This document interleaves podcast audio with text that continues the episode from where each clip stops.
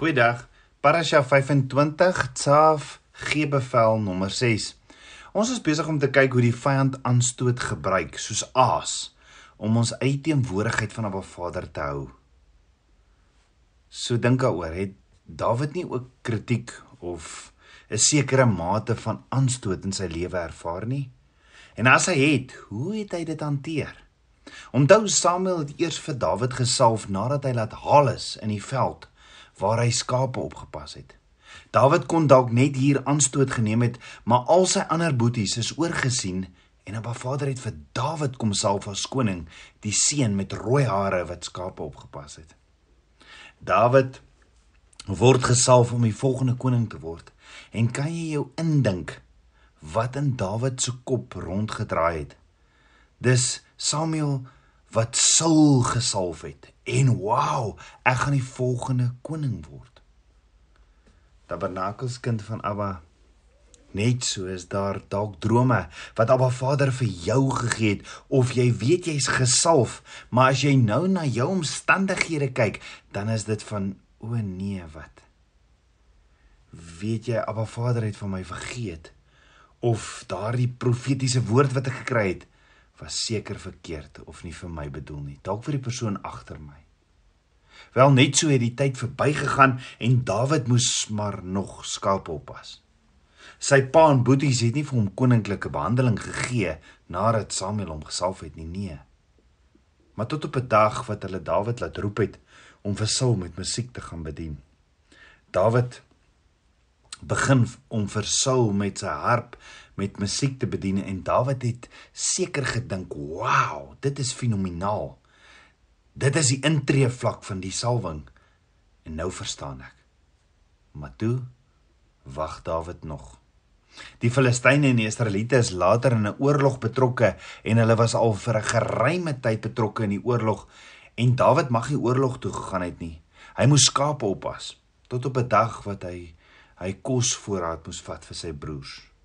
Ons weet Dawid merk toe hierdie onbesnede Filistyn op en loop na koning Saul toe en sê ek sal hom doodmaak. En Dawid doen toe so en die beloning was koning Saul se dogter. Dawid het in die koning se kasteel gaan bly en het aan die tafel van die koning geëet en koning Saul maak hom sy wapendraer. So kan jy dink wat het Dawid nou gedink? Wow, wat Abba Vader geprofeteer het deur Samuel wat hom kom salf het, is eintlik nou besig om bewaarheid te word. Ek is na die koning se paleis gebring en eet van sy tafel af. Ek het guns by sy seun Jonathan en ek is die koning se wapendraer. Ek het sy dogter se hand in huwelik. Wow, die vervulling van Abba Vader se plan is nou besig om te geskied. En Dawid is toe saam oorlog toe en Dawid was baie suksesvol. En met sy terugkoms begin die vrouens te verkondig Saul het sy duisende doodgemaak en Saul is is uh, en Dawid sy 10000e. Maar Saul word kwaad en hy is jaloers. Dawid het toe al 'n paar keer vir koning Saul bedien in die paleis en Saul gryp 'n spies en probeer om vir Dawid teen die muur vas te pen en na die tweede keer doen Dawid wat enige slim persoon sou doen. Hy sê ek gaan maak dat ek hier wegkom. Nogal iets om oor aanstoot te neem, is dit nie? Maar so verlaat hy die paleis en die volgende 14 jaar bly Dawid nie meer so gemaklik nie. Dawid bly nie meer so gerieflik nie. Nie in sy eie bed nie. Nee, Dawid moet nou in grotte en in woestyn bly en sy lewe het totaal en al ver verander. 14 jaar moes Dawid vlug en so bly omdat Saul sy leier, sy koning hom wil doodmaak. Kan jy dink wat moes deur Dawid se gedagtes gegaan het? Dalk van profeet Samuel was sekerlik verkeerd. Ek gaan eerder sterf as ek wat as as wat ek gaan koning word. Dawid kon hierdie moed kon hier moed opgegee het opgegee het. Dawid kon in ingegee het weens omstandighede. D Dawid kon verbitterd geraak het en hy kon verseker aanstoot geneem het. Maar hoor gehou in 1 Samuel 24 ontdek Saul dat Dawid in die wildernis is en Saul gaan uit met 3000 van Israel se beste krygers om een ding te doen en dit is om Dawid dood te maak. Nou kan jy jou self voorstel. Jou leier is daarop uit om jou absoluut te vernietig. Die gesalfde. 'n Leier wat gesalf is en wat Abba Vader aangestel het. Saul die gesalfde. En al hierdie manne kom die grot binne waar Dawid wegkruip en Dawid se manne sê vir hom Dawid hier is die geleentheid. Nou is jou tyd. Abba Vader het jou vyand in jou hande gegee. Hulle is ontwapen en ons kan elkeen van hulle doodmaak. Hier vind Dawid hom. Hy's onder 'n leier wat hom wil doodmaak en sy eie manne moedig hom aan. Hier is die geleentheid en Dawid kom by homself dink, wat het ek gedoen dat Saul sy hart so teen my draai? Wat het ek gedoen? Wat 'n sonde het ek gepleeg? Is jy vandag daar? Dat jy voel, wat het ek gedoen dat ek op hierdie stadium op hierdie plek in my lewe sit? Want Dawid besluit om sy onskuld aan Saul te bewys en dat hy nie probeer om Saul se lewe te neem nie of sy bediening te steel nie. Dawid gaan sny 'n hoek van Saul se kleed af. Nadat hy dit gedoen het, het Dawid se gewete hom toe heavy gepla. En Dawid het so skuldig gestaan voor Abba Vader omdat hy die kleed van die gesalfde van Abba Vader laat staan en afsny het. En Dawid neem toe die stuk kleed en hy sê en hy en sy manne gaan staan 'n entjie weg en Dawid roep na Saul in 1 Samuel 24 vers 6 tot 10: "U majesteit, die koning." En so probeer Dawid sy onskuld bewys en dat daar geen rebellie in hom is nie. En Saul begin toe hard te huil en seën toe vir Dawid. Nou kan jy jou voorstel die verligting wat Dawid daar moes gevoel het. Hy kon sy onskuld aan sy leier bewys Maar twee hoofstukke later is Dawid in die heuwels en Saul hoor dit en trek op met dieselfde 3000 krygers 1 Samuel 26. En toe hy dit doen, sit Abba Vader die hele weermag in 'n diep diep slaap en Dawid Dawid sluip oor na die kamp van Saul en hy gaan al die pad tot in die middel van die kamp waar Saul slaap en Dawid het die geleentheid om 'n spies deur Saul te boor. Samuel ag uh, Saul was boonop ook 'n moordenaar. Want hy die 80 priesters in die stad van Nob laat vermoor omdat hulle brood vir Dawid gegee het.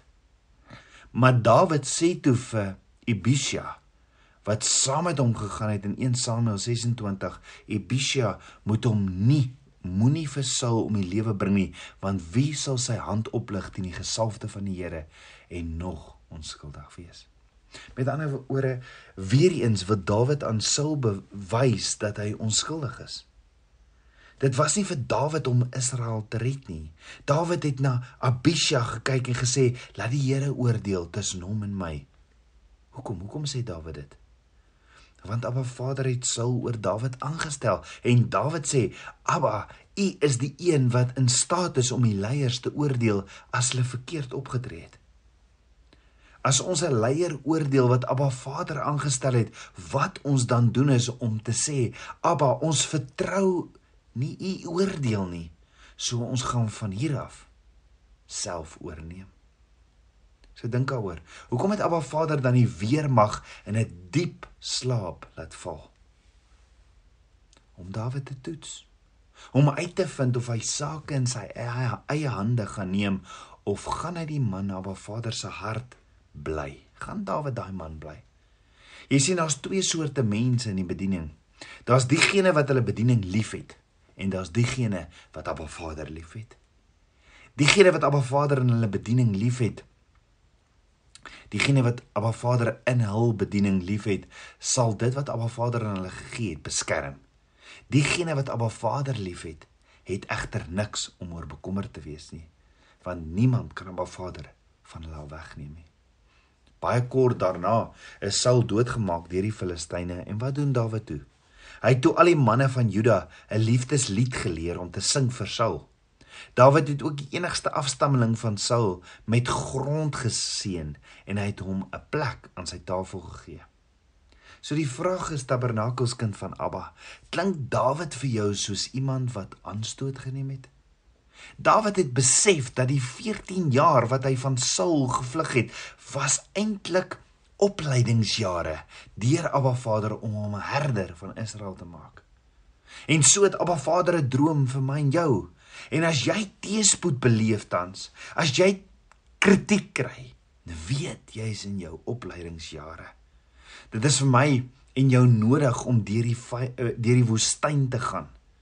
Want dis net daar in die woestyn waar Abba Vader ons leer. Dawid se karakter ontwikkel in die woestyn toe Saul hom vervolg het. Sy eie leier het hom nie reg behandel nie en in plaas van hom aanstoot te neem, het hy dit as 'n leerskool in sy lewe gebruik. Dit wat die vyand beplan het vir Dawid om hom te vernietig, het omgedraai. Net so, dit wat die vyand beplan om jou mee te vernietig, gebruik Abba Vader om jou nader en nader aan hom te trek in intimiteit om sodoende aan jou sy droom sodat jy sy droom wat hy vir jou het kan lewe. As Abba Vader weet hoeveel hare op jou kop is. As Abba Vader jou naam op sy hand gegraveer het, weet hy ook waar jy nou in die woestyn in die leerskool van jou lewe is. En die vraag is, is ek en jy besig om te leer of het aanstoot en bitterheid heeltemal kom oorvat? As jy net kon sien wat Abba Vader se droom vir jou is aan die kant die woestyn, dan maak geen behandeling nou saak nie. As jy volhard op die droom wat Abba Vader vir jou het, sal jy terugkyk en sê, "Ja, ek onthou dat dit pynlik was. Die klippe wat ek gekry het, het seer gemaak. Maar dit was alles, alles die moeite werd vir my koning." So die vraag is, tabernakelskind van Abba, Is dit oukei okay as Abba Vader se woord my en jou aanstoot gee? Of kan ek vra, hoekom is ons so bang om Abba Vader se woord te verkondig? Wat aanstoot gee? Is dit dalk omdat ons ander se siening respekteer en ons bang is ons gee hulle aanstoot? Wel, Yeshua het aanstoot gegee met die waarheid, want daar's net een waarheid en die waarheid wat jy ken maak jou vry. So het mense aanstoot geneem met die waarheid wat Yeshua verkondig het? Ja. Eerstens die mense in Yeshua se tuisdorp het aanstoot geneem. Yeshua het nie siekies en stilletjies die waarheid in mense se ore kom fluister sodat niemand moet aanstoot neem nie. Of dat almal net gelukkig moet bly nie. Nee, Yeshua het nooit kompromie gesluit met ander gelowe of hulle geakkommodeer nie. Nee.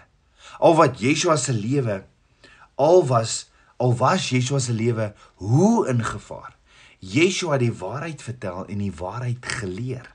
En die vraag is as ons koning nie geskroom het of kompromie gesluit het met die waarheid nie moet ons as volgelinge of disippels nie ook dan doen nie Waar is die volgelinge so Stefanus wat sal opstaan? Nie vir eer by mense nie, maar vir die waarheid van Abba Vader se woord. Sal jy dink daaroor? Hoeveel menslike opinies en tradisies het ons kerk nie kom filtreer nie? Dinge wat net glad nie na Abba Vader se woord staan nie, maar wat gevind word in die kerk om die gemeentelede gelukkig en happy te hou. Soos wat? Soos kom ons trou maar die gees. Want ons kan hulle tog nie met die waarheid aanstoot gee nie. Dink daaroor, wat is die waarheid en wat sou Yeshua gedoen het? En die vraag is, is ons as kerk, die liggaam van Yeshua, ek en jy, nie vandag meer gepla oor wat mense sal aanstoot neem en bang en en en bang mense sal die kerk verlaat as ons die waarheid vertel nie. Appa Vader sê in Jesegiel in Jesegiel 3 vers 18 tot 21: As ek aan die goddelose sê, jy sal sekerlik sterwe en jy waarsku hom nie en spreek nie om die goddelose vir sy goddelose weg te waarsku om hom in die lewe te hou nie, dan sal hy die goddelose deur sy ongeregtigheid sterwe, maar sy bloed sal ek van jou hand eis. Maar as jy die goddelose waarsku en hy hom nie van sy goddeloosheid en van sy goddelose weg bekeer nie, dan sal hy deur sy ongeregtigheid sterwe. Maar jy, maar maar jy het jou siel gered. En dan gaan Abba Vader verder en hy sê ook in Jesegiel in vers 20 tot 21 en as 'n regverdige hom van sy geregtigheid afkeer en onreg doen en ek 'n struikelblok voor hom gooi, dan sal hy sterwe omdat jy hom nie gewaarsku het nie. Sal hy deur sy sonde sterwe en aan sy geregtigheid wat hy beoefen het, sal nie gedink word nie, maar sy bloed sal ek van jou onteis. Maar as jy die onregverdige waarsku dat die regverdige nie moet sondig nie en dat sonde en hy sondig nie, dan sal hy sekerlik lewe omdat hy hom laat waarsku het en jy het jou siel gered. Met ander woorde, ons sit met 'n met 'n verantwoordelikheid. En dit is om Vader se waarheid te verkondig. Ek kan tog nie eendag voor op Vader staan met iemand se bloed in my hande en sê Vader, ek sit met sy bloed op my hande en het nie vir die persoon die waarheid verkondig nie want hulle is weet hulle sou soveel aanstoot geneem het. Dan is ons nie net ook so bang om op 'n Vader se waarheid by ons families te verkondig nie, is dit nie? Want sjoe, nee, hulle gaan so aanstoot neem as ek vir hulle die waarheid oor die paas eiers en die paas haas vertel. Tweedens, Yeshua sê Yeshua se eie mense het aanstoot geneem. Hulle het glad nie gehou van al die druk wat hy op hulle geplaas het as gevolg van die waarheid wat jy wat Yeshua verkondig het, het en was nie, want hy is die waarheid. Hulle het nie eens regtig geglo dat hy regtig die dinge doen wat hy doen nie, want ons sien in Markus 3 vers 21 21 toe sy mense dit hoor, gaan hulle uit om hom in die hande te kry want hulle het gesê hy is buite sy sinne. Dan in Markus 3 vers 31 tot 35 lees ons sy broers en sy moeder het tot gekom na hom toe gekom en terwyl hulle buite staan, stuur hulle na hom om hom te roep en 'n skare het rondom hom gesit En hulle sê toe vir hom: "U moeder en u broers soek hier daar buite." En hy antwoord hulle en sê: "Wie is my moeder en my broers?" En hy kyk rond na die wat rondom hom sit en sê: "Daar is my moeder en my broers." Want elkeen wat die wil van God doen, die is my broer en my susters en my moeder. Met ander woorde, Yeshua se eie familie het gedink hy's buite sy sy sinne en wou hom gaan haal het in Johannes 7 vers 5 sê ook selfs sy eie broers het nie in hom geglo nie. So Yeshua was verwerp oor die waarheid wat hy was en verkondig het deur mense wat die naaste aan hom was. Yeshua was nie daar vir die aansien vir die goedkeuring van mense nie, maar om op 'n Vader se wil te doen. En die vraag is, en ek en jy, is ons hier vir menslike goedkeuring en aanvaarding of is ons hier vir 'n Vader se wil? is ons maar net te versigtig om die waarheid wat Yeshua is te spreek want die woord sê Yeshua is die waarheid, die weg en die lewe. Is ons net te versigtig om die waarheid te verkondig want nin nin nin vat iemand aanstoot. So nou bly ons maar eerder stoepstil oor die waarheid. Jy sien omdat Yeshua gehoorsaam was aan Abba Vader, het sy ma en sy broers almal op die ou end verander want hoor gou, hulle was almal in die bokkamer toe die vuur van die Heilige Gees op hulle geval het in Handelinge. Yeshua het ook dan derdens die kerkleiers, die fariseërs aanstoot gegee. Soveel so dat sy eie disippels met hom daaroor kom praat het. Ja, in Johannes 6 vers 60 tot 61 staan en baie van sy disippels het gesê toe hulle dit hoor, Hierdie woorde is hard. Wie kan daarna luister? En Yeshua het in homself geweet dat sy disippels hieroor memoreer en hy sê vir hulle: "Is dit julle tot 'n aanstoot?" Van Yeshua se eie disippels het hom verlaat, maar nogtans het Yeshua geen kompromie gesluit nie. Yeshua het selfs verder gegaan en vir sy ander disippels ook gesê dat hulle ook kan gaan as hulle wil. Want die een, die enigste ding wat vir Yeshua saak gemaak het, was om sy Vader se wil te doen. Al sou dit beteken dat hy heeltemal alleen moes staan, sou dit nog steeds nie sy hart verander het nie. Yeshua was vasbeslote om op 'n Vader te gehoorsaam te shema en die vraag is, ek en jy? Sal ek en jy 'n Vader shema al raak dit baie baie ongemaklik? Is jy bereid om op te staan in 'n wêreld en Abba Vader se waarheid en sy wil te verkondig, te leef? Al dink mense jy's van jou kop af. Al verwerp jou eie familie, sal jy opstaan vir die waarheid, die weg en die lewe. Yeshua het dit vir jou gedoen. Sal jy dit vir hom doen? Kom ons bid saam. Abba Vader, skieper van my hart, Vader, ek loof en ek prys U. Abba, U is my pottebakker. Ek is U klei. Vorm my en vou my.